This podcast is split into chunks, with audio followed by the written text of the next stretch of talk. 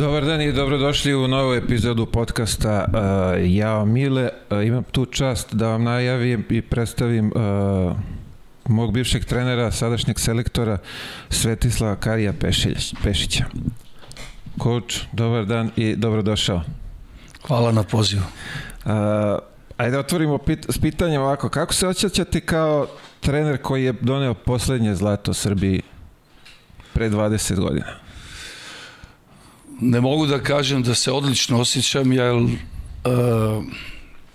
to je za mene daleka prošlost, ja to, vi to računate, ali ja to više ne računam. Mislim, prošlo je ozbiljan broj godina, vi ste poslednji koji ste doneli to sjajno odličije, pa rekao samo da vidim kako, kako gledate na to.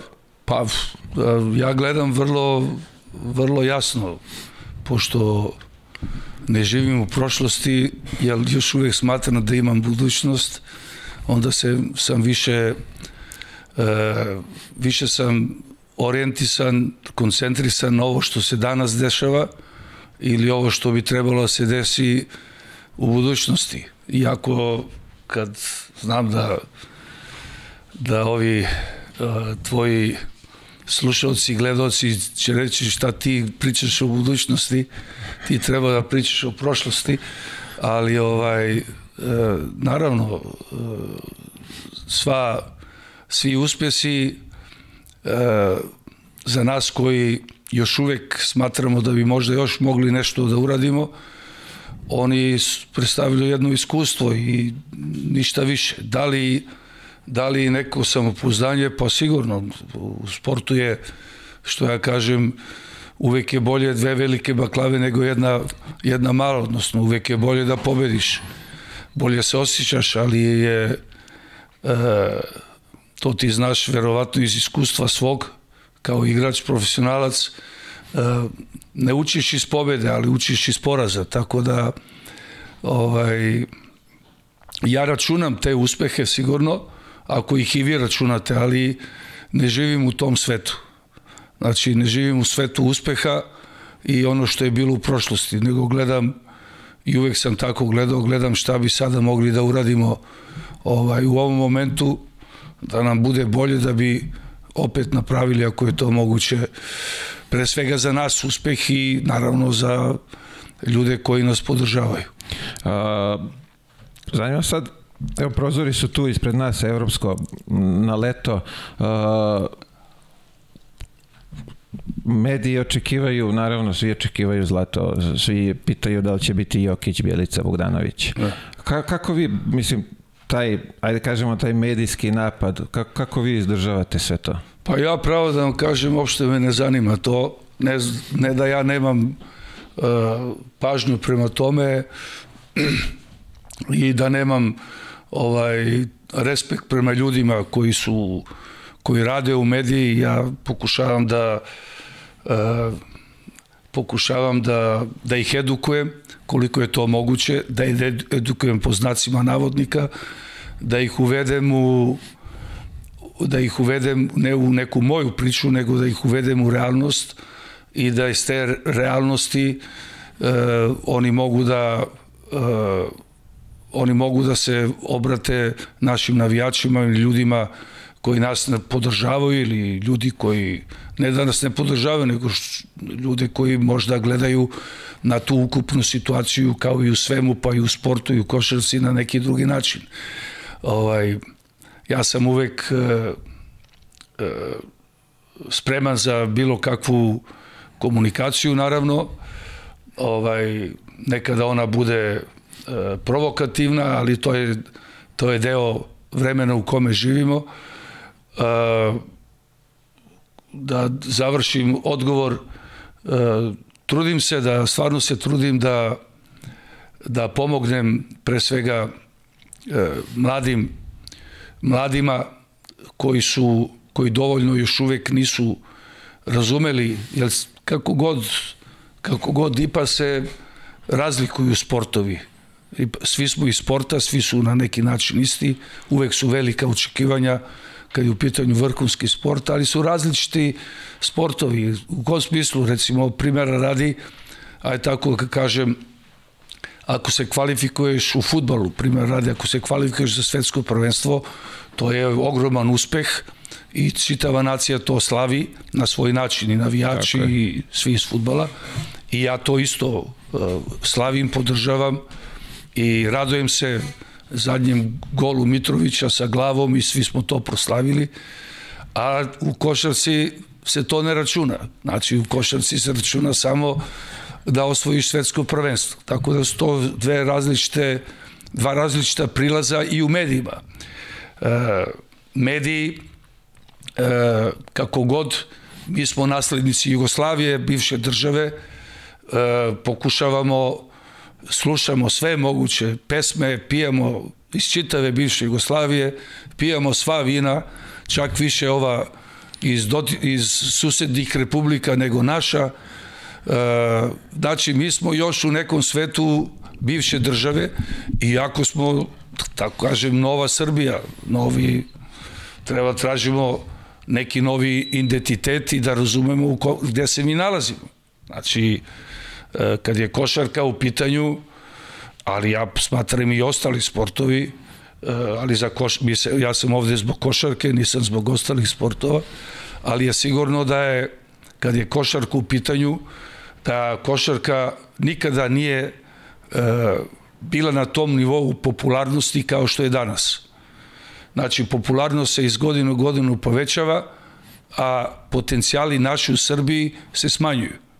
Smanjuju se iz različitih razloga. Prvo, nismo dva, 22 miliona, sad smo, manje nas ima, manji je prostor, a očekivanja su uvek iznad realnih ovaj uh, realnih uh, uh, kako se zove i mogućnosti. Ali znate kako, odnosno znaš kako Mi smo, e, naš mentalitet, pored toga što smo talentovani za bilo koju vrstu sporta, a pre svega za ove sportove uh, kako ćeš sa loptom. Na, da, na malom prostoru, recimo u waterpolu smo najbolji na svetu ili među najboljima u košarci isto, u rukometu, možda u ovom trenutku ne, ali rukomet ima ogromnu tradiciju, uh, i verovatno polako i oni dolaze tamo gde im je mesto. Odbojka naravno nije novi sport, ali ovaj odbojka pre 40 godina i odbojka danas ipak po popularnosti, interesu i tako dalje. Šta hoću da kažem? Hoću da kažem da da smo mi mnogo talentovani za te sportove na malom prostoru, kao na ovom ovde ovaj stolu, što ga vidimo. Ali smo jednostavno i E, individualno e, poznati e, ne samo da smo talentovani za sportove na malom prostoru, nego smo talentovani i u malom prostoru. Evo ti si bio centar, nema ni jedne države na svetu koja je proizvela toliko dobrih centara. Nema, evo i dan danas dan danas kako god okrenemo ono što smo se potencijali su se smanjili, ali opet centra imamo. Znači, mi visoke igrače imamo i oni su uh, različiti od ostalih uh, na svetu zato što su veoma snalažljivi na malom prostoru. Znači, uh, šta želim da kažem? Želim da kažem da kod nas, bez obzira da li imaš potencijal dovoljan, kod nas je uvek taj confidence ili to samopouzdanje bilo izraženo. Do puvanja. Znači, mi znamo i da se puvamo i nemamo uopšte ponekada, nemamo ni argumente, ali mi smo to. I verovatno iz tih razloga ponekada i postignemo te visoke sportske rezultate, iako drugi imaju daleko veći potencijal, bolje uslove, organizaciju, nisu imali rat, e, nisu imali sankcije, nisu imali bombardovanje, Španija recimo, ajde sad uporedim gde sam ja proveo dosta vremena kao i u Nemačkoj, dve zemlje gde su živeli u blagostanju. A mi za to ne možda se pohvalimo. Ali smo mi postavljali uvek velike ciljeve i stremili ka tome. Tako je. Zato, zato smo verovatno i uspevali. Međutim, e, e, te ciljeve ne postavljaju nama te ciljeve mediji. Oni misle da nama postavljaju ciljeve mediji. Ne, mi si sami postavljamo zato što verujemo Jasne. u te naše mogućnosti i zbog toga možda i dostižemo te neke vrhunske rezultate. Jasne. Sad kad ste spomenuli edukaciju među njima i medije, da li ajde da se slažemo da, da li ćemo se složiti da, da oni o, zbog njih zbog njihovih tih čitanosti ili šta već se traži ovaj, da, da i oni prave celu tu pompu oko toga da li će primjera radi Jokić sad igrati zašto ne igra i, i u neku ruku i on kad vidi sve to verujem da se ne, ne osjeća ni malo ovaj, Pa zna, znaš kako, e, ti si isto iz tog sveta, malo si već presto ima godine, pa je drugačiji bio taj uh, svet medija. Uh, uh, većina većina ne živi u, ovaj, svakodnevno u tome. Šta sad ko napiše ti takozvani Twitter novinari ili Instagram novinari, nazovi kako hoćeš, takvih danas ima masovno. Znači, ti danas nemaš, nemaš nažalost, e, e, struka e, novinara koji je završio fakultet ili je, ne mora da završi fakultet, ali iz, iz sporta doživeo sport kao što si ti doživeo sport, pa ti sada kad meni postavljaš pitanja, to su sasvim drugačija pitanja od onog koji taj sport nije doživeo. Ili e, završio si, imaš neko obrazovanje, steko si e, obrazovanje, naučio si e, kao i mi iz, iz, iz košarke, Znači, moraš da imaš neko obrazovanje e, da bi bio trener. Znači, moraš da završiš neku školu, da završiš neki fakultet, da, si, da, da se obrazuješ, da napreduješ i tako dalje. Toga je sve, e, kako se kaže, e, apsolutno malo. Skoro, skoro da ti takozvani Twitter novinari, kako ih ja nazivam, oni su praktično postaju postaju dominantni. I e, mi koji smo e, zajedno sa njima ili da kažem na drugoj strani obale, mi ovaj e, želimo e, da se njima sarađujemo, naravno. Kao i što oni od nas traže uvek nešto specijalno. Daj mi nešto specijalno za danas. Daj mi nešto specijalno za danas. Ovaj, I mi to e, razumemo. Znači, recimo, ja govorim o sebi, ja to sve razumem i ja to ne gledam kao neki problem, ja to gledam više kao neki izazov kako se snalaziti u jednoj takvoj novoj situaciji. Jer mediji pre 30 godina i mediji danas, naravno, svesni smo toga da se to razlikuje. Ono što se ja trudim, trudim se da e, ne kažem sve, ali ono što kažem, to je, mora bude istina i tu nema, tu nema mrdanja. Jasno. Uh, ono što, što meni smeta i što mislim da, da, da oni ne poštuju tu neku, ajde kažemo, njihovu privatnost i kada im daju priču da oni uh, u više navrata vole i da izvrnu to da bili, do, da bili dobili veću pažnju svega toga i zato su, moje mišljenje da zbog toga u medijima nema sad ni Teodosića, ni Jokića, pa ne, ne, i oni ne žele, znaš, ne, ne žele da se evo ja ja isto, uh, znaš kako kod nas ovde imaš koliko hoćeš e, medija, ima više medija nego što Srbija ima igrača ovaj, u košarci, mislim. Ovaj, uh, ne izbegavam, ja volim volim da moje očekuje se od, od mene i kao trenera na tom nivou i kao sad tog selektora, kako me mi zovete, ili izbornika, kako zovu ovi naši susedi, ovaj, imaš naravno i neku i obavezu bez obzira koja je tamo na drugoj strani. Ali ovaj e, kažem e, trudim se da budem prema svakome onako kako se zove da svakom izađem u susret, ali moram moram, imam pravo i da vršim selekciju. Jasno. Uh, kreću nam prozori sada. Uh, kako, kako vi vidite na te prozore pošto onako mislimo, bar većina misli da je, da je to... U... Pa isto kao i na mediji. Isto gledam kao i na mediji u nekom drugom smislu. Znači, ja ih izmislio nisam, ja ih e, možda ću svojim uticajem da utičem da, da možda bude neki drugi način, ali to je sada i sa tim mora da se živi i iz toga moraju da se e, pronalaze rešenja, što kažem. E, nema problema, samo rešenja ili to prihvatam kao neki e, izazov u smislu kako i na koji način sve to što sada imamo, takav sistem takmičenja je takav sistem takmičenja i šta mi možemo iz toga da izvučemo pozitivno. Naravno, pošto se bavimo vrhunskim sportom, niko te ne pita za ništa, danas samo te pita jesi li pobedio ili izgubio. Znači, mi e, radimo na tome da se pobedi, odnosno da se kvalifikujemo za svetsko prvenstvo. To će biti jedan od mojih najtežih izazova i najtežih poslova koji sam do sada radio. To vama u Srbiji, recimo i tebi, vidim i drugima kojima pričamo, kao, ma dobro, to znamo, to, svi to pričaju i tako dalje, ali ja sad ne znam šta ti lično, šta je u tvojoj glavi, šta ti misliš, ali ajde ti kažem, to je za mene, ako mi veruješ, e, to je za mene do sada najveći izazov u karijeri.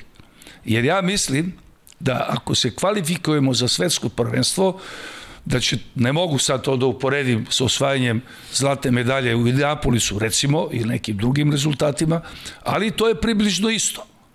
Zašto? Zato što ovaj mi imamo najtežu grupu sada i idemo sa najtežom grupom u, od od uh, avgusta meseca. Znači, da pojasnimo za oni koji dovoljno ne prate, a to je, imamo dve runde, kvalifikacije za svetsko prvenstvo koje se održava 23. godine.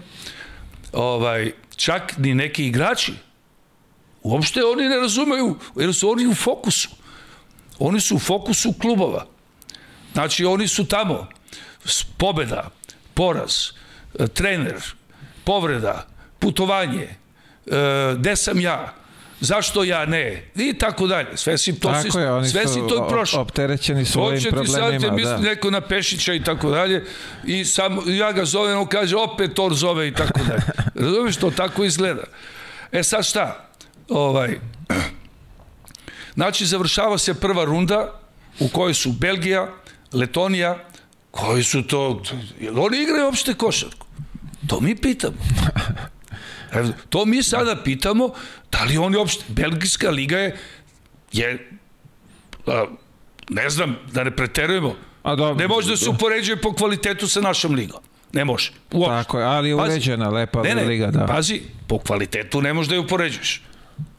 Drugo, to su sve igrači koji ne igraju u NBA-u i to su sve igrači koji ne igraju u Barceloni, CSKA, ne znam, e, Madrid i tako dalje. To su igrači koji igraju u francusku, špansku ligi. Su izvaredni igrači. Pazi, to su izvaredni igrači. Znači, nisu Jokić, naravno. Jedan je Jokić. Jedan je Jokić, jedan je i tako dalje. Jedan je Gasol. Jedan je Bodiroga i tako. Znači, ali, o, to sve dobri igrači. Letonija. Letonija, Letonija u ovom trenutku bolja nego Litvanija. Znači, mi imamo ogroman respekt prema Litvaniji, a Letoniju tamo koja je Letonija? Latvija ili Latvija. Latvija. Znači, ovaj, to su sve ekipe mile koje imaju jednu veliku motivaciju. Oni nisu bili prvaci sveta, oni nisu bili, nismo ni mi.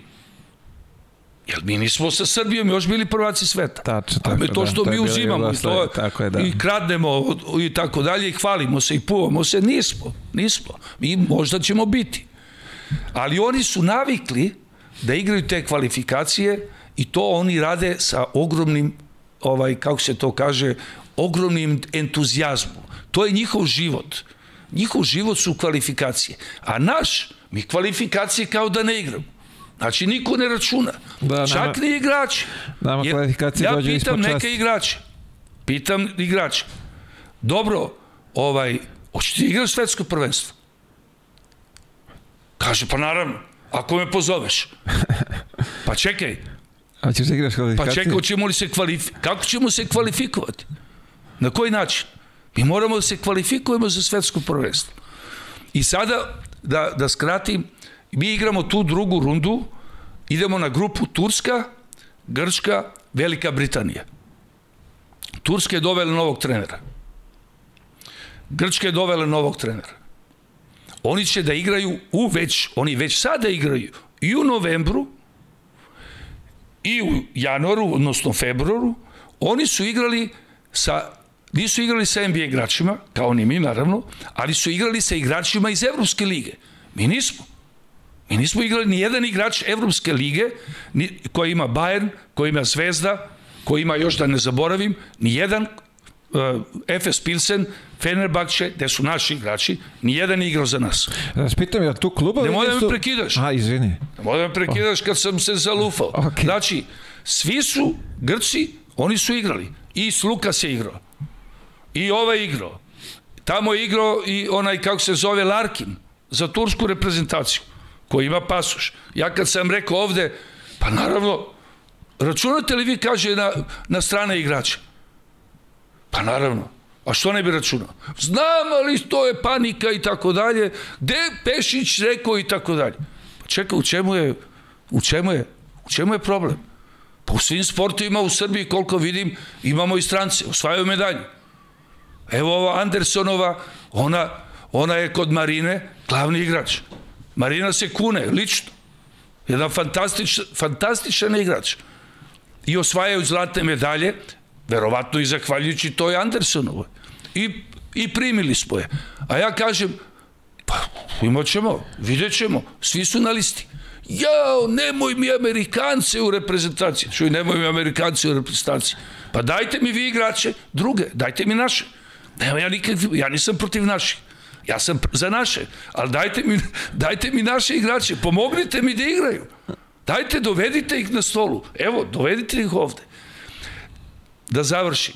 Znači, da završim, ovaj, znači, mi drugu rundu kvalifikacije za svetsko prvenstvo počinjemo u zadnjoj nedelji avgusta.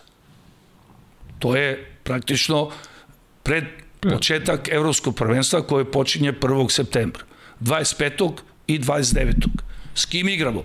Možda sa Turcija, možda sa Velikom Britanijom, možda sa ovim, kako se zove, sa Grcima, ne znam. Zavisit će od našeg, od ove dve utakmice koje mi sada imamo sa Latvijom, odnosno Letonijom i sa Belgijom. I onda će doći do tog ukrštenja. Krštenje, da. To je onda šest timova, znači odavde Srbija, Letonija, Belgija, Turska, Grčka, Velika Britanija i samo tri idu dalje. Znači, Tako je, samo po, tri. pobednik u krštenje ide. I u novembru je, u novembru je drugi prozor, druge runde i treći prozor je u februaru i nakon toga se zna. E sada, da završim, pošto sad ti postavljaš kratka pitanja, a ja ne mogu kratko da ti odgovorim. Imam, ja imam vremena samo Ne, da... pa ja, ja sam, ja imam još jedno 15 minuta.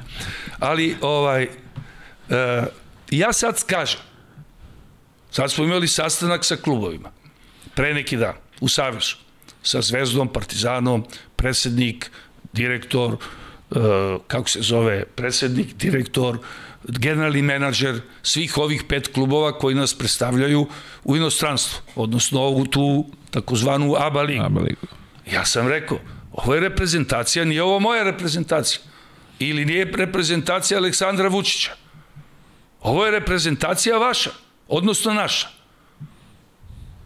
I sad kad se završila, kad se završila liga, sve zastave koje postoje, i crno-bele, i zeleno-bele, i ove naranđasto-bele, što nosi, ne naranđasto, nego ova tvoja majica, koja je boja? Pa neka... Da, kao, nešto, kao mega, nešto. kao E, mega, pa da, mogu. kao mega bela i kao crveno bela i šta ja znam, sve te zastave se ujedinjuju u jednu zastavu, a to je srpska zastava. Tako bi trebalo da bude. Ne, tako mora da bude. Jer ako Mile, ako toga ne bude, Dobro si me sad napalio sa ovim pitanjima. Jel, jel pazi, ako toga ne bude, ako toga ne bude, mi se sad smejemo i kažemo Hrvatska. Kao ne mogu do svoje medalju, ne mogu već, ne zna se, 20 godine. Ne mogu do svoje medalju od Grčke, od Atine, sećaš se. Tako je. Sve će to biti ovde. Sve će to biti ovde. Prema tome, ti što mene pitaš za zlatnu medalju, ja sam je već usvojio. Hajde, vi sad osvojite. Evo, ja sam tu došao da vam pomognem. Došao sam tu da vam pomognem da osvojite ponovo. Ali ja sam već usvojio, mene ne treba zlatna medalja. A dobro, tome, vi znate put, tako da nas, tako je, tako je vi znate put ja, i treba da nas vodite ja, ka, ka zlatna medalja. Ja, se, ja preuzimam apsolutnu odgovornost. Apsolutnu odgovornost. Ali ti si, ti si bio igrač. Jedan, jedan ne može da napravi tim, ali jedan može da razjebe kompletan tim. To je tačno isto. To je tačno. Prema tome, ja zato kažem, ako je reprezentacija važna, a jeste, jer samo zamisli sada ovo. Evo, samo zamisli ovo. Samo zamisli ovo. Da ne budemo pesimisti, nego da budemo, držimo neki optimizam. Šta imaš ako si pesimista? Nemaš ništa. Ako si optimista, slušaj, možda ćeš nešto i dobiti. Znači, ja sam optimista. Ali sam, moram, ja sam trener.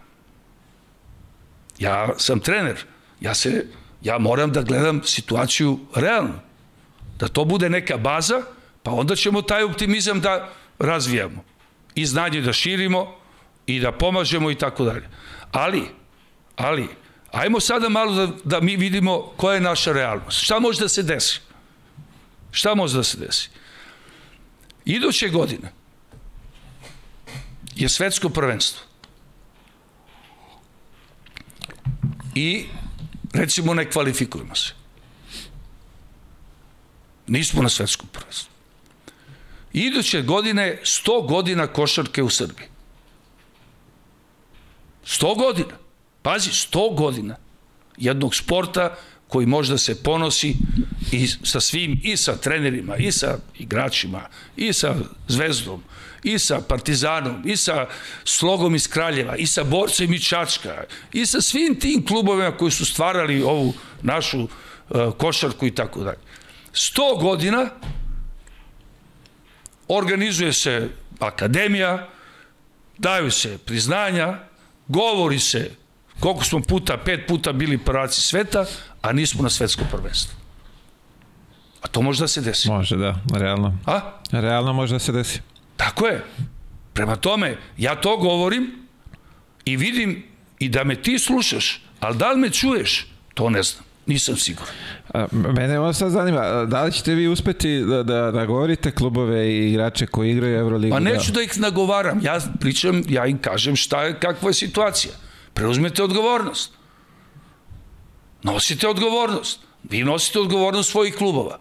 Morate se borite za svaku kintu. Morate obezbedite uslove. Morate, želite da zadovoljite vaše sponzore. Morate da pobeđujete. Jasno je, sve, sve to, mi sve to znamo. Ali onda dođe i na red i neka reprezentacija, naša reprezentacija. I onda se od vas očekuje da preuzmete odgovornost. Dajte malo. Razumite da morate, da vaši igrači, da vaši igrači, vi ih vaspitavate, vi ih učite, vi ih raz, razvijate, ne ja. Ja se trudim kad dođu kod mene, da kad se vrate u klub, da su bolji. I kao igrači i kao persone. I to je, to je što ja njima mogu da ponudim. To je, ja, ne, ja nemam šta njima da ponudim. Ja nemam, ja kao trener njima nemam šta da ponudim. Jer jedino mogu da im ponudim garant, da, ne da ponudim, nego garantujem da ti igrači kad se vrate, bit će bolji. Koliko će biti bolji? Ne znam. Biće bolji. Savez može da obezbedi tim igračima osiguranje, može da obezbedi dobre pripreme, može da obezbedi kvalitetno putovanje. I, i, što nije nevažno, što nije nevažno, što nije nevažno, reprezentativci koji osvoje medalje dobijaju nacionalno priznanje. A to je više od 1000 eura. Danas, danas ti koji su dobili to već priznanje, da ih ne spominjemo, žive od toga. Jer nisu zarađivali ona vremena da bi sada mogli da, da krckaju neku štiđevinu i tako dalje, nego žive od nacionalnog priznanja, da ne kažem penzije, koje je država, jedina država, jedina država. Ja kad to Nemcima kažem, kao da li, je, da li je to moguće da vi imate to? Ne, da još mi ti kažem, koji je ne zna se koliko puta i bogatiji od nas i, i po mogućnosti da da vrednuje visoke sportske rezultate koji Nemci postižu. Znači, država je voli sport. I po, ne ovo, ne, ne govorim sada ovu trenutnu vlast, nego to je bilo i pre toga. I prema tome, momci, dobiti nacionalno priznanje i dobiti neku penziju za, neki, za neku budućnost, nije sve u lovi nego je priznanje koje dobiješ od države gde si rođen. Ja sam, ja moram da kažem, ja sam isto dobio to, ja sam ponosan s tim. Ne, ja mogu da živim bez tih 1200. I ja to i neke druge moje primanja pokušavam da kao kažem, da me loše ne razumeš, želim da, da onima koji nisu mogućnosti, kao što ja jesam, da pomognem na bilo koji način. Ali to je za mene ogromno priznanje. Znači, ja sam od ove države, gde sam ja rođen, dobio priznanje, nacionalno priznanje. Oni su mene priznali. Pazi, oni su mene priznali, znači ovi navijači, ova država, ova vlast, vlast, ova ili pre 20 godina, bilo da. koja, naši država je mene priznala da postoji. Pa jebi ga, ja sam, ja sam počestvovan time. Ja to govorim ovim momcima.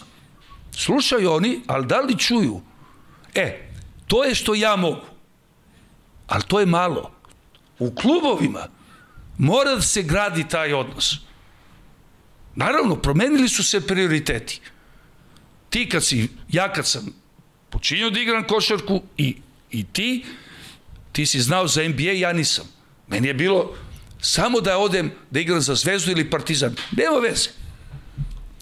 Da bi bio, da bi igrao za reprezentaciju. NBA, pošto nije postojao u glavi. E, ti si sad došla tvoja generacija, ali ste vi opet, opet je cilj bio, uspeo sam ako igram za reprezentaciju. Danas su se prioriteti malo se menjaju. NBA je tu, i tako dalje. Drugačiji je život i to mi sve znamo, ali jebi ga. Dobro, daj, sad se daj malo, priznati lakše daj malo do... klubovima, dižite, dižite, uh, ja taj kult, što, kakav je kult reprezentacije? Pa ne stvaram ja kult reprezentacije. Ja ga ne stvaram. Stvaraju ga ljudi u klubu. Navijači ga stvaraju. Znači, Pix je pobedio sa Mitrovićem gol, idemo na idemo na svetsko prvenstvo. Ne znam koliko meseci nakon toga, oficijalna utakmica, Norveška, 5000 gledaoca, 5400 gleda, zvanično. Izvini, izvini, znači mi moramo da se zamislimo. Da, poražavajuće. moramo da imamo, ne, pa naravno je poražavajuće, ali mi moramo da imamo neki drugi pristup da tu decu vaspitavamo i u školi da naravno da završavaju, da se obrazuju, da se vaspitavaju i tako dalje, da, da zavole sport. Mi, smo, mi pričamo o sportu. Ne pričamo sada o nekom drugoj. Znači, mi smo zbog sporta, ali zbog košarke. Tako je. Da se obrazuju, da dolaze, da navijaju za svoju zemlju, za svoju reprezentaciju. To je sramota. To nije sramota te dece koji nisu došli. To je naša sramota. Mi moramo da ih organizujemo. Da oni dođu. Evo, gledamo, gledao si ti, gledao si, ovaj, kako se zove, to kad smo igrali sa Norveškom, pa onda prebaciš kanal, kanal Francuska, pun stadion, svi sa zastavicama, prebaciš Nemačka igra ne znam s kim, hop i tamo pun stadion u Gladbachu protiv, ne znam, protiv Engleske i šta ja znam. Da, Ovde nema nikoga. I jest. kako se osjećaju ti igrači? Nažalost, ali je tako da. A, a ono što me sad zanima, kako ti motivišeš igrače i kako ih ubeđuješ imamo sad kroz sticam okolnosti, čitu sam i, i knjigu tvoju, ovaj, pa sam pročitao tamo motivacija za Stojakovića, pismo si mu ostavio, napisao da je poželjan, sve to. Sad je vremena se malo, vremena se, vreme se promenilo. Ka, kako sad motivišeš? Pa slušaj, evo ovako, kako sad s tobom pričam. Ja tebe gledam kao igrača. Sad si ti napredovao si, jebi. Sad si napredovao, ti što si ovaj, jedan stepen prema gore. Sad sam bolji igrač. Sad si, imaš i drugu vrstu zanimanja, da tako kažem, biznisa. Ali razumeš ovo što ti kažem. Znači, za tebe to ništa nije novo što sam rekao. E, motivacija, znaš, motivacija, šta je motivacija? Motivacija, e, ako imaš cilj, ako imaš cilj, odmah si motivisan. Znači, stići do tog cilja, Kako stići do... Ako imaš cilj, onda te to motiviše da razvijaš svoju, svoju upornost. Upornost kako stići do cilja. To je nešto samo što ti možda utičeš. Na upornost ne može trener da utiče. Ali može da postavi ciljeve. ja pokušavam, evo sad pričam tebi, a javljam se njima. Valjda će neko od njih da to pročita ovo što ja sada pišem ovde i tako dalje. I drugo, da ne zaboravim, što se tiče ovih navijača, samo da skrenem sa ovog pitanja, to je i vaša obaveza. Vaša je obaveza. Vaša je obaveza. Evo sad ti, uh, kažeš, ti sad vam rekao, pa jeste, u pravu si, coach, to je baš sramota da je 5000. I šta mi je toga? Zašto je 5000? Koji su putevi da ima više od 5000, da ima 50.000? To mediji mora da pišu. Ne može da dođe na utakmici naš, ovaj, kako se zove, reprezentativac koji igra u drugoj zemlji, recimo, koji igra sada za neki drugi klub, dođe u pionir i pljuju ga navijači. Bez obzira ko je. On je reprezentativac Jugosla Srbije. Ti možeš da ti, mož, ti trebaš da navijaš za svoj klub, za Crvenu zvezdu, Partizan, za Megu, za FNP, ne znam, za Bora Čačak ali on je reprezentativac tvoje zemlje. I ti ga pljuješ u lice, direktno. Pazi, stani, ne, nemoj, okay, nemoj da me prekidaš. Direktno ga pljuje u lice. Svi vide. Ja na televiziji gledam. Znači, ako sam ja sad na televiziji bio i ja to vidim, novinari, i sad čekam, čekam da vidim komentare. Nijedan. Znači, nema uopšte komentara. To je tema. To je tema za, za tebe ili za tvoje kolege. Zašto je taj reprezentativac na utakmici Evropske lige, zašto ga navijači protivničkog tima pljuju u lice? Zašto? Napravite okrugli sto. Napravite okrugli sto. Pozovi nas petorica ovde da mi to prokomentarišemo. Zašto i koji su putevi da se to ne dešava? Da se razvija kult reprezentacije. Ja mislim da to mora još u, iz osnovne škole da krene da, da, da bi se ta... Pa, verovatno. Po, pošto ova generacija sigurno neće promeniti, ali neke buduće, a, ako se kroz, nek, kroz školu neki vid edukacije te dece, da, da bi to u budućnosti moglo da bude bolje, ali Slažem ova trenutna situacija teško da može da, da se promeni. Sve, se, sve može. Ili ne znam, razmišljao sam i čak i o tome da je bolja finansijska situacija u zemlji, da svi imaju bolje plate, da li bi se tako isto ponašali?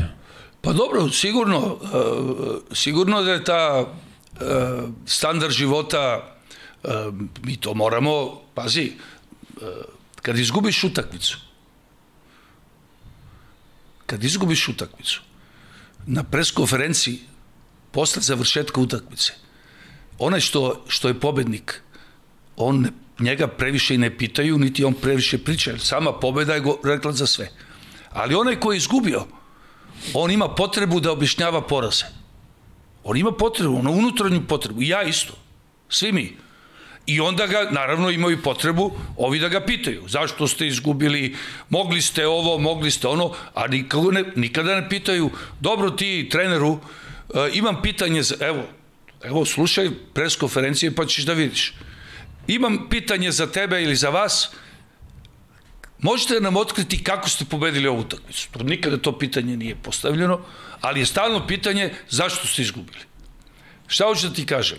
Hoću da ti kažem uh, da kad imaš jednu takvu situaciju koju je ova zemlja i ovaj narod doživao u, u zadnjih 90-ih, rat, izbeglice, bombardovanje, ekonomska krize, politička kriza, kako god to kreni i tako dalje, naravno da ostaju posledice u društvu.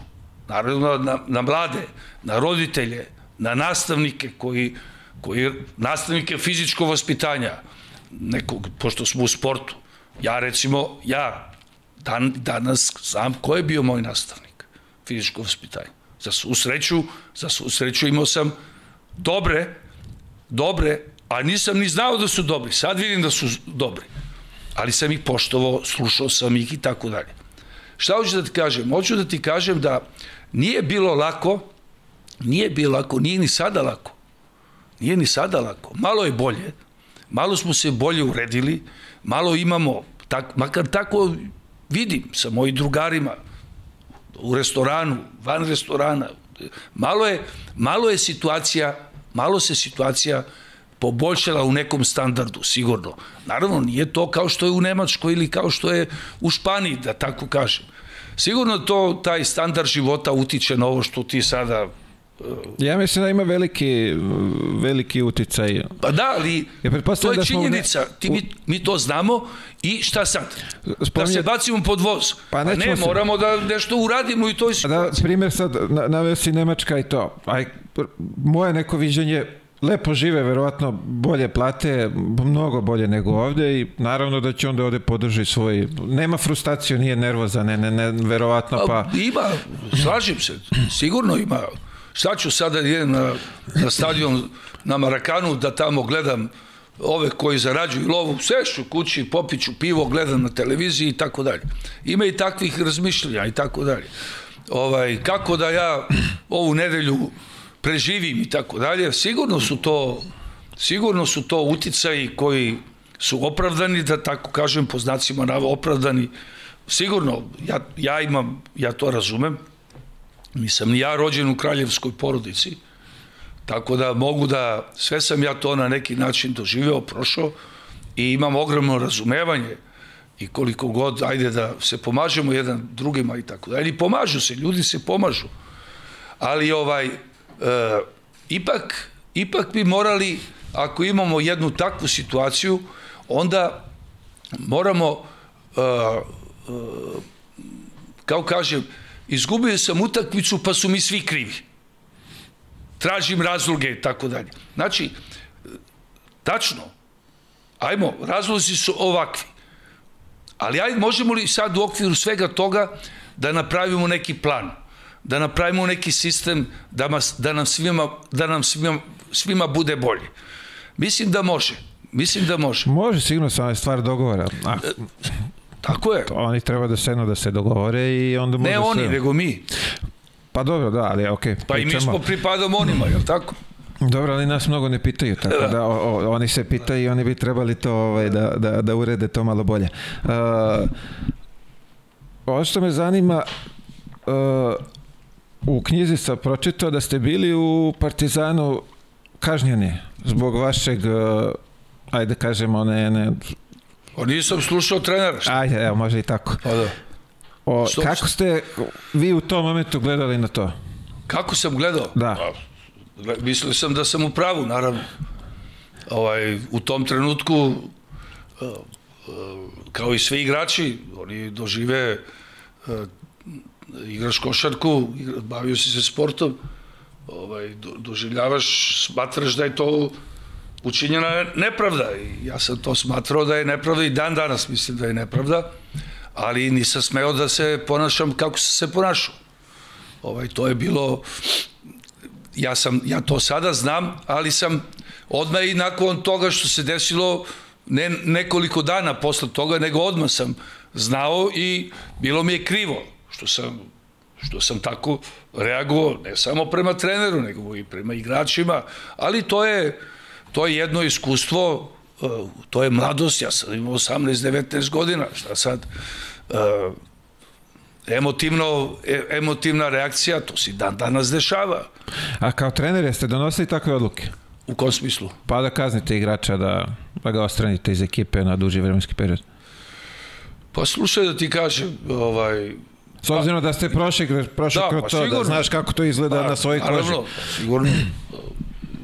ovaj, postoje, postoje određena pravila koja bi trebalo da se respektiraju, poštuju i tako dalje. Možete i sada uh, autobus u 15 sati ispred Crown Plaze, a ti, Mile, dođeš, dođeš u, u 3.15.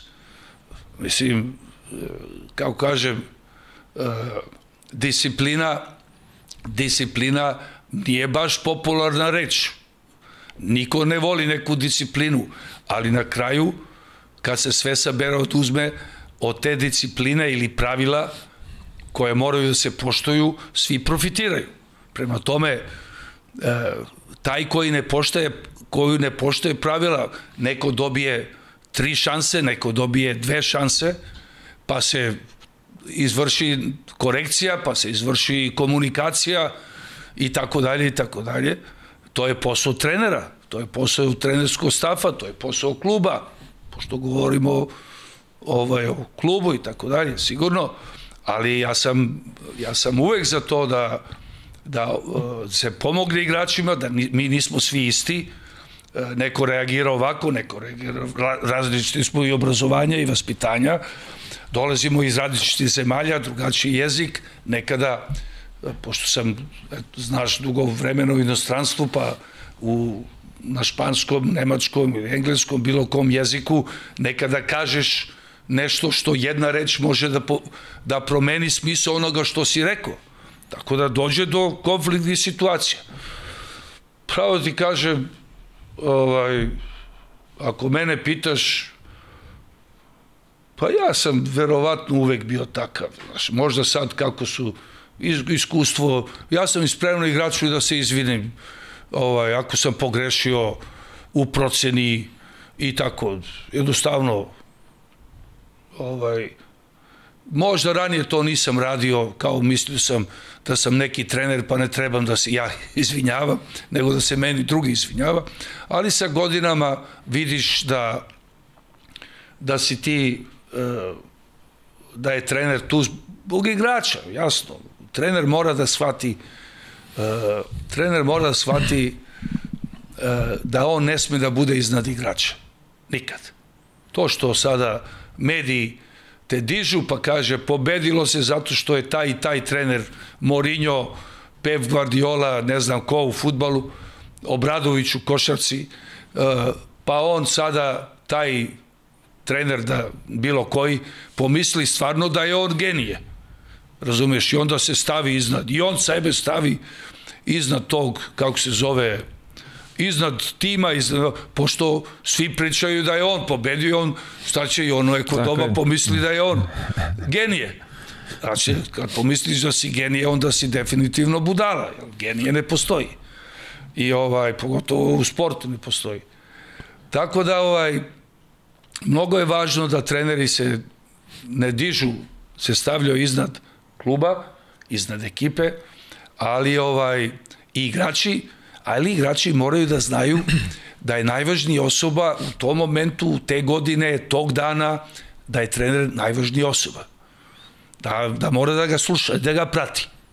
I ako se tu napravi taj balans, što ja kažem vrlo često, ako se tu napravi taj balans, ravnoteža ta, gde trener ne stavlja sebe iznad svih, a igrači znaju da je trener važan i najvažniji u tom trenutku, u toj sezoni za njihovo ospitanje, za njihov učinak na treningu, na utakmici, ako se tu napravi jedan balans, tu su 100% rezultati možda očekuješ. Yeah. I ja se uvek trudim da sa uspehom, sa neuspehom da... Ovo moram da ti pitam, ja prošle 20 godina od toga uh, i sad pričamo o tim greškama trenera i igrača. Da, jel ti bilo teško ka, Radmanovića kad si ostranio iz ekipe? Si osjećao pa jeste, onako... sigurno mi je... Ja, ja uh, ne volim kad mi neko tu kaže ali šta sad, to se tako spominje. Ovaj, kao pobedili smo, postali smo svetski prvaci što, zato što Radmanović je trener njegov stranio. Ne, ja se s tim ne ponosim. Ja se s tim nikada nisam ponosio i meni je žao.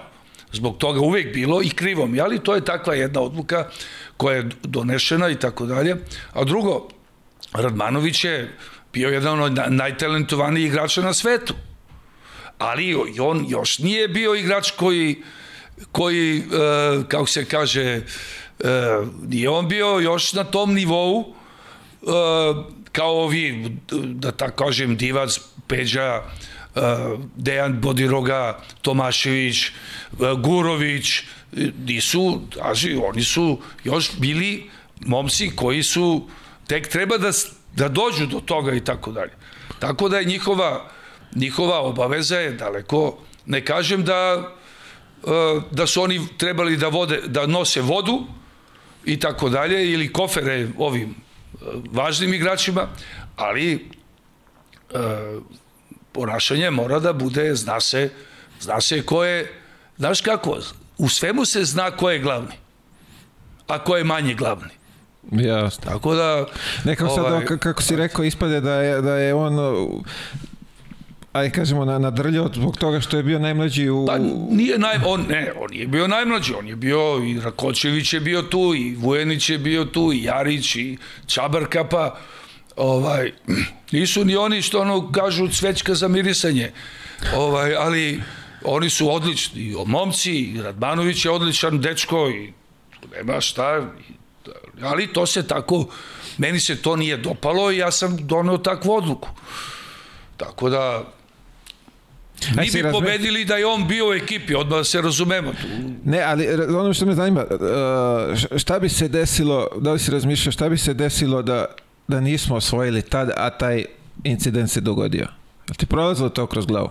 Ma kakvi, pa ja uopšte ne razmišljam o tome. To kad se završi gotovo za... Ja, kakvi, pa trener nikad ne razmišlja šta će, ja makar ne razmišljam šta će biti posle pobede ili poreza. Ja uopšte ne razmišljam o tome. Nikada. Ja se bavim ja se bavim, ovaj, kako se zove, uh, ja se bavim na koji način ja mogu toj ekipi da pomognem. Znači, pre utakmice, da što bolje pripremim igrače, da što pripremim, da pronađem puteve do pobede, kad počne utakmica, da, da pomognem da se taj game plan sprovede na delu, da, se, da ih pomognem da budu bolji i tako dalje. To je posao, to je posao trenera. Prema tome, tome, kak ja o tome ne razmišljam. Ja razmišljam, ja razmišljam i e, znam da do pobede se dolazi e, do pobede košarke je timski sport. Znači, e, možete vi da pričate šta god hoćete. E, to je timski sport. Pa čak i u NBA-u, koji, gde, gde je individualizam e, da je individualizam izraženiji nego kod nas. Ali uh, Golden State, to je ekipa. Evo, dovedi Bjelicu da ti on priča. To je ekipa. E sad, zbog toga je košarka, uh, kako se kaže, sport koji se razlikuje možda od ostalih sportova, gde je istovremeno i timski sport, ali gde odluke u close game-u u, na kraju donosi najbolji igrači i trener. I onda dolazi do tog, da tako kažem, uslovno rečeno, individualizma. Tako da, uh, ja to go, govorim, Michael Jordan, najbolji igrač do sada koji se pojavio na svetu. Tako svi kažu. A što bi se ja protivio? Ali, bez svih ostalih, koji su njega podržavali, Pippen, kakav je to bio igrač? Ozbiljan igrač. A, ozbiljan igrač, sve znaš. A kakav je Kukoč bio? Ozbilj. Tako je, ne bi mogao sam, Pa da, to- to mora, jasno. kolektiv je, da. Oni su pravili Jordana. Tako je, on je samo bio taj koji malo vi, više izraženiji u, Pa Ne, u i tom... oni su ga pravili. Oni su, oni su ga pravili. Trener mu je dao loptu u ruke. Mogu i da mu ne da. Ali trener verovao u njega. Koliko smo mi igrača uništili? Mi našom, našom lošom procenom. I mojom lošom procenom. Ne uništili, nego nismo ga nismo ga razvili, tako je, nismo. nismo mu razvili taj talenat Je koji je on ne- posedovao. Je li ima nekog da pamtiš da, da ga nisi iskoristio? Je, malo je njih. Malo. Svi su bili. Kad, da, kad je ta granica kad, kad više ne možeš igrača da, da, da trpiš, kad, kad vidiš da, da, da prosto da ne, ne, ne sluša da nije u tvom sistemu? Pa, slušaj, šta znači to, ovaj... Ja sam, mora da postoji neka granica ne, dok ja sam, ja sam malo pre rekao, ja sam malo pre rekao, e, igrači su, ja to kažem, nemam, e, igrači su, kako god okreneš, najbolji, najbolji, najbolji deo tog, e, tog košarkaškog sveta. Sve koji su, koji su oko tih igrača i svi oko nas, oni su pod znakom pitanja. A igrači su najbolji deo. najčistiji. Ba, rekao bih. Još su, znači, oni su sportisti. Znači, oni žele da pobede. Čim si počeo da se baviš, ja bih rekao kad dođeš na nekom tom nivou, znaš, NBA, Barcelona, Madrid, reprezentacija i tako dalje, znači ti kad dođeš tu, to znači da si ti kompetitor pravi. Znači oni su oni su ovaj prošli e, dosta tih drilova mentalnih, psiholoških, motivacija, ovaj kritika, pohvala, sve su oni to prošli. Ali ovaj kao kažem e, dese se ovakve situacije, dese se da se izra- izreaguje emotivno, pa čekaj, i trener je isto Znači, govori se, govori se, ti me sad pitaš, kako ti motivišeš igrače? Evo, to me pitaš. A ja, ja sad tebi kažem, pitam tebe, čekaj, ali ko motiviše trenera? Ko motiviše trenera? Pa to, Pa je treba, igrači. to se počne da kažem, to bi trebalo Kaže, da bude. kakav sam trener, dođeš kući, sveta sve u kući. Kaže, žena, šta ti je, si normalan, pevaš je, sviraš tamo. Kažem ja, znaš kakav sam trening imao? Pa to je bilo fantastično. To je, to je za trenera motivacija. Da, da igrač izreaguje na to što mu ti pružiš, što si planirao, ili obrnuto neće. Ma skloni mi se, izađi iz grupe, sedi. Kao umoran sam. Pa dobro. Umoran si. Podmori se. Nemoj da mi kvariš grupu. Ne, ali ja bih da treniram i tako. Ne, ne, nemoj da treniraš. Sedi tamo, gledaj, ili idi kući. Resetuj se. Odmori se. Jer igrač dolazi isto na trening sa nekim problemima. Da li su to porodični, da li je to privatno, ne znam, nije ni bitno. Znači, sve je to jedan, sve je to, Mile, prošlo si sve to, sve je to jedan proces. Znači, ja ne mogu da tu govorim, ti možda govoriš više kao igrač, ali, kao kažem, naravno donose se i pogrešne odluke. Nobody is perfect, sigurno. Možda si napravio lošu procenu, neko je osetljiviji, neko nije i tako dalje. Možda si nešto rekao, a nisi mislio da tako kažeš. Da, pa da. to igrač prihvati, ali jebi ga, šta da radimo. Važno je, važno je da, ono što kažem, nikome zlo ne mislim. A, tvoj najteži moment u, trenerskoj karijeri? Nisam, nisam ga doživao. Svaka čast. To je za pohvalu. Imali smo prošle emisije ovde, gost je bio o, tvoj kolega Vlada Đurović i pričali smo o finalu o, Šibenka Bosna i on je rekao da u neku ruku ovaj, tu mu je promenili to karijere, kao evo vidite kakav je Pešić napravio karijeru posle te titule dok sam ja kao malo ovaj, kako gledate na to? Pa, Đura je, Đura uh, je motivac, on ponekada kaže nešto što ne misli, pa onda, onda se ispravlja, ali ovaj, uh, kako gleda na Đuru? Ne, ne, na tu situaciju, to, to finale i to sve. Pa to je jasno šta nama je oduzeta titula koju smo osvojili. Sad, to je jasno. Mi nismo, mi, mi nismo ovaj, mi smo pobedili, oduzeta nam je na licu mesta, onda su nama rekli da da igramo u Novom Sadu, u Majstoricu, mi nismo isto hteli da igramo, šta mi, šta mi ima da igramo kad smo mi pobedili. Tako da niko nije ni teo da igra. Ali za razliku od nekih drugih klubova, mi smo bili klub. Znači, mi smo poštovali, poštovali Košarkaški savez Jugoslavije koji je doneo tu odluku. Tako da je to velika razlika bila. Ne, ne sećam se utakmice, ne znam, ali ono, čitao sam, malo sam neke te detalje pogledao i iz njegove priče ovaj, rekao bi da je da bi mu karijera bila bolja u, u, da, je, da je pobedio tu, da je bio prvak sa Šibenkom on, te godine. On, on, on misli da je bio prvak, nema tu razlike. Pa kaže da čak nisu ni medalje vratili, pehar, da, sve dalje. To, sve su zadržali. Prema tome... Uh, ovo što me privodimo kraju, da, da ne brineš. Uh, savete za mlade igrače i trenere. Pa, uh, uh, slušaj, uh, za trenere imao sam imao sam Hajka Šafarcik, igrač. Sećam je bio reprezentativac, point guard playmaker.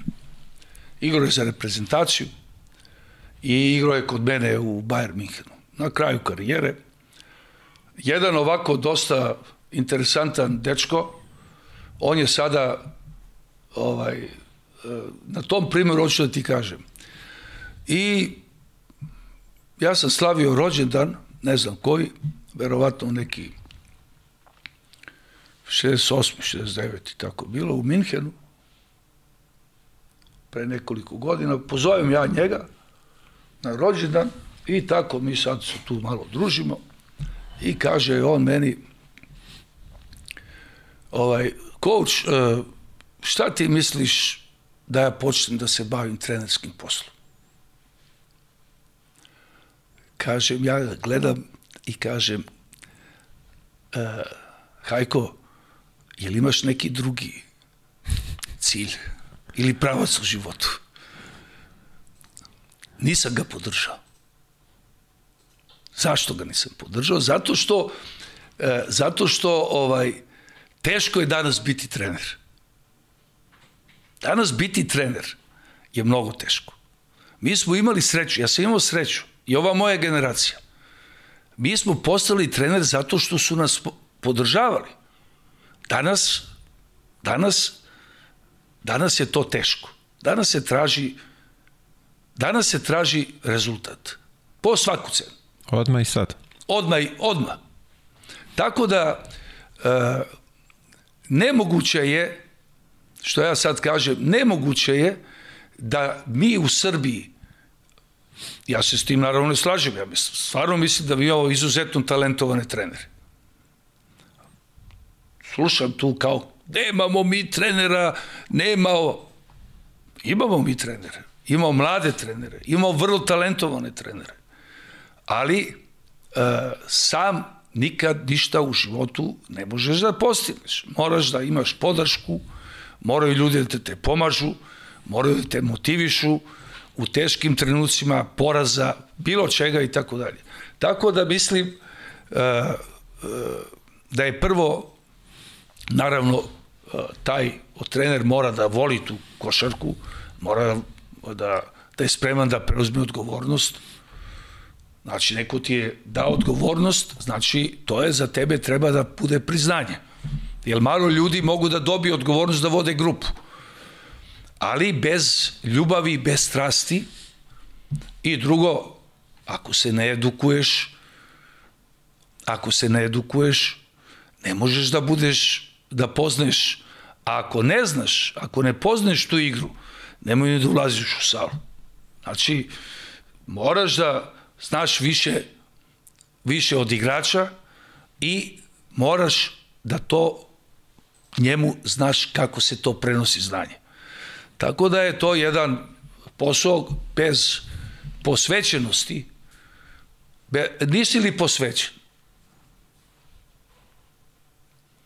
Pa, Evo ja sad ti kažem, ja sam tu zarađivao te neke pare i ovde i tamo i tako dalje i onda dođu ovi kao pa ajde da ovaj ajde da idemo da uložimo neke pare tamo, nešto, biznis neki, bilo, nije bitno.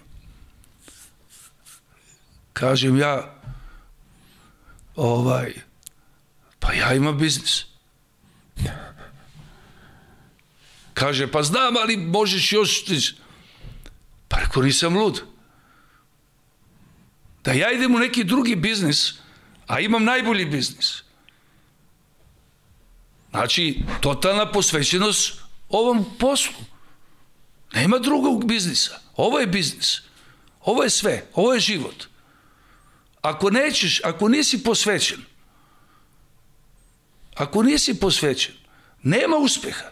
Znači, jeste važna podrška, ali je mnogo zavisi od tebe samog. Mnogo zavisi od tebe samog. Evo, niko mene nije naterao da dolazim ja ovde da budem ponovo trener reprezentacije. Ali imam ja, ja imam još uvek neku strast, još, još smatram da bi mogo nešto da postignem, da nekoga učinim bolji i tako dalje. To ta neka unutrašnja motivacija koju ja imam. Verovatno i svi ostali koji su na nekom drugom mestu. Kad ste sad spomenuli novac, uh, setio sam se uh, to je neka priča, sad pitaću vas da li je istina. Uh, posle Indianapolisa otišli se za Barcelonu, je li tako? Uh, što sam čuo da su vaše kolege da vas kritikovali da ste otišli ispod cene. Je li to istina ta priča ili... Pa, da su oni smatrali da im tako urušavate kredibilitet jugoslovenskih trenera? Pa, ne znam. Ne znam koja je njihova cena bila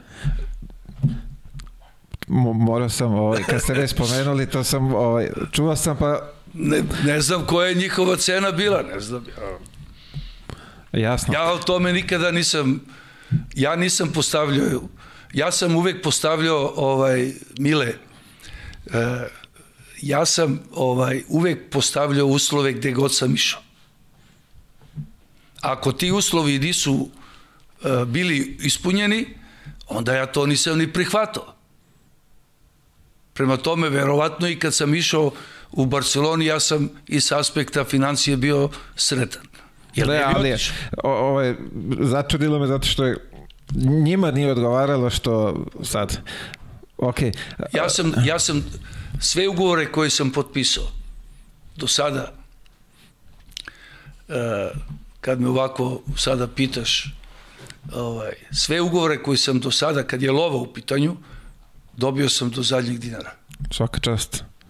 Ja sam jednu platu samo u celoj karijeri nisam nisam primio. Tako je. Ja sam znači da sam birao da sam birao ovaj da, da. klubove i da sam uslovi koje sam ja postavljao bili su ispunjeni. Fantastično. Uh, za kraj uh, naslušao sam se priča da je Profa Nikolić bio mentor mnogim košarkašima ovde. Jeste li vi mentor nekim mladim koš, uh, pardon, trenerima? Pa, uh, verovatno da, na neki način. Ja sam, ja se trudim da u Srbiji, naravno, evo i sada, koliko god mogu, sad sam malo duže, pa mogu da ovaj, delim to svoje iskustvo i znanje sa velikim ovaj, zadovoljstvom, naravno. Ali ja sam već uh, 20 godina ovaj, e, kako se to kaže, e, ja vodim u ime FIBE vodim e, e, jedan studij i to traje već koliko godina, od neke 2006. Gde, gde sam ja ovaj, vodim taj studij, to je e, za sve za sve zemlje u Evropi i sada van Evrope, za mlade trenere. Da, samo za, za trenere koji se bave omladinskim selekcijama. Uh -huh.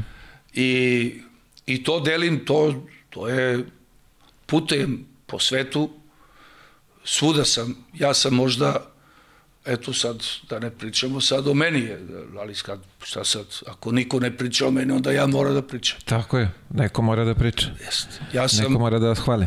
Neko mora da, Bolje ako me ne sebe. hvališ ti, onda, ne, ne, ne hvalim se, nego kad me to pitaš, znači, ja sam verovatno jedan od rekordera po broju coach klinika koje sam održao u čitom svetu, od Australije do Amerike, do Argentine, od, do Finske, do Portugala, do, do Egipta, mislim, ne znam gde nisam. Znači, ovaj, ponosan sam na to i trudim se da, da to i dalje, najviše bih voleo da to uradim malo više i u svojoj zemlji. I radim. Evo sad smo mi počeli tu da ja sam dugo bio vani pa nisam mogao, ali kad god me trenerska organizacija zvala, ja sam dolazio, držao sam ta predavanja, držao sam i na fakultetu predavanja i u Nišu i u Beogradu i u Banja Luci.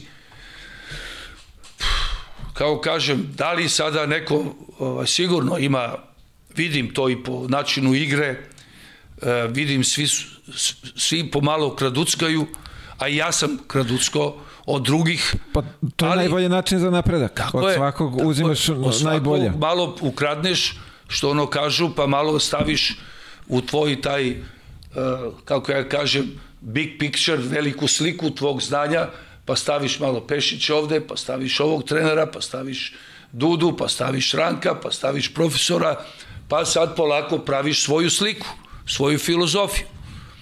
Kao i ja, ja sam, kad sam počeo, ja sam počeo trener kao igrač pa sam se pridržavao, imao sam neka pravila, a sada imam filozofiju.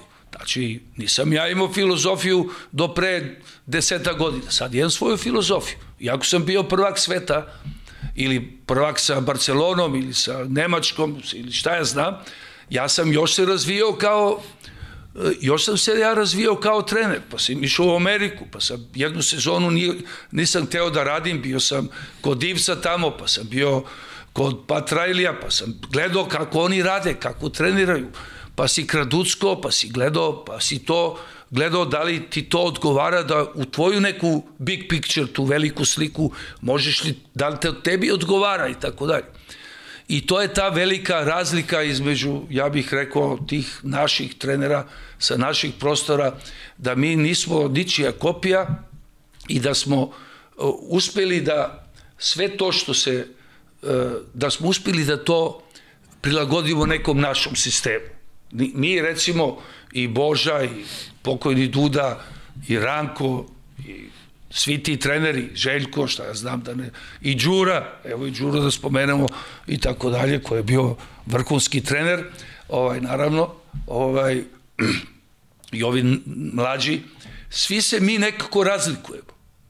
Znači, ja, ali imamo, ali imamo jedno što nas odlikuje, što nas udružuje, a to je metodika treninga i to je e, način selekcije. Kako selekcioniramo mlade igrače i kako selekcioniramo kako selekcioniramo ekipu. Ekipu, profesionalnu ekipu. Ra, tu, se, tu smo mi mnogo se razlikujemo od ostalih. Znači, nemoj sada ti objašnjavam gde i tako dalje, jer onda ću morati da ostanem, neću stići na ručak sa ekipom. Stižemo, sve završavamo. A, sad, samo još jedno, spominjate mlade igrače. A, da li smo mi u problemu mladih igrača kao zemlja? Pa manje, manje imamo talenta.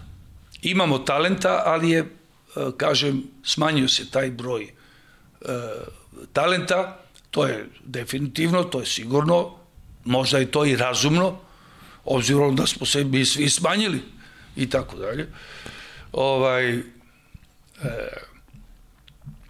ima talenata, ima talenata, ali ne više, ne više, ne više na tom broju kako je to ranije bilo i ovaj, ne kako mi u Srbiji mislimo. Jasno. Uh, za kraj zamolit ću te da mi potpišeš knjigu Hoću. Ja rekao da dobit ću neki poklon. Oba, obično ovde poklone donose kao... Tako ja. Tako je, da. Ali vama je oprošteno, tako da. Sve okej. Okay. Evo ga. Mora priznat nisam pročitao, nisam E, pa pročitao. onda neće- ovaj, nisam onda neće da pročitao, ne, ne, potpisujem. nisam pročitao celu. Pa da li da potpisujem onda? Pa daćete mi motivaciju. Ako Da. potpišete, onda daćete mi motivaciju da, da, da je završim. Sve.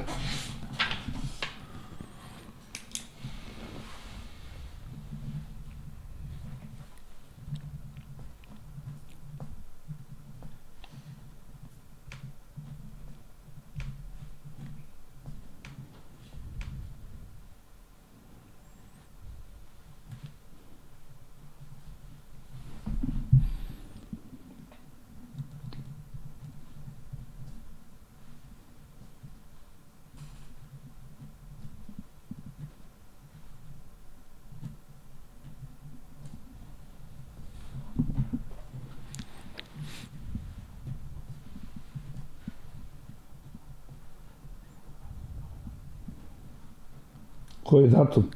20 Drugi. drugi.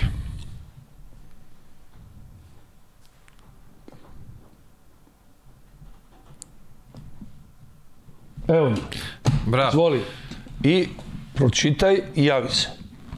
E, Možemo sad prepričamo prvu polovinu. Nije stvarno.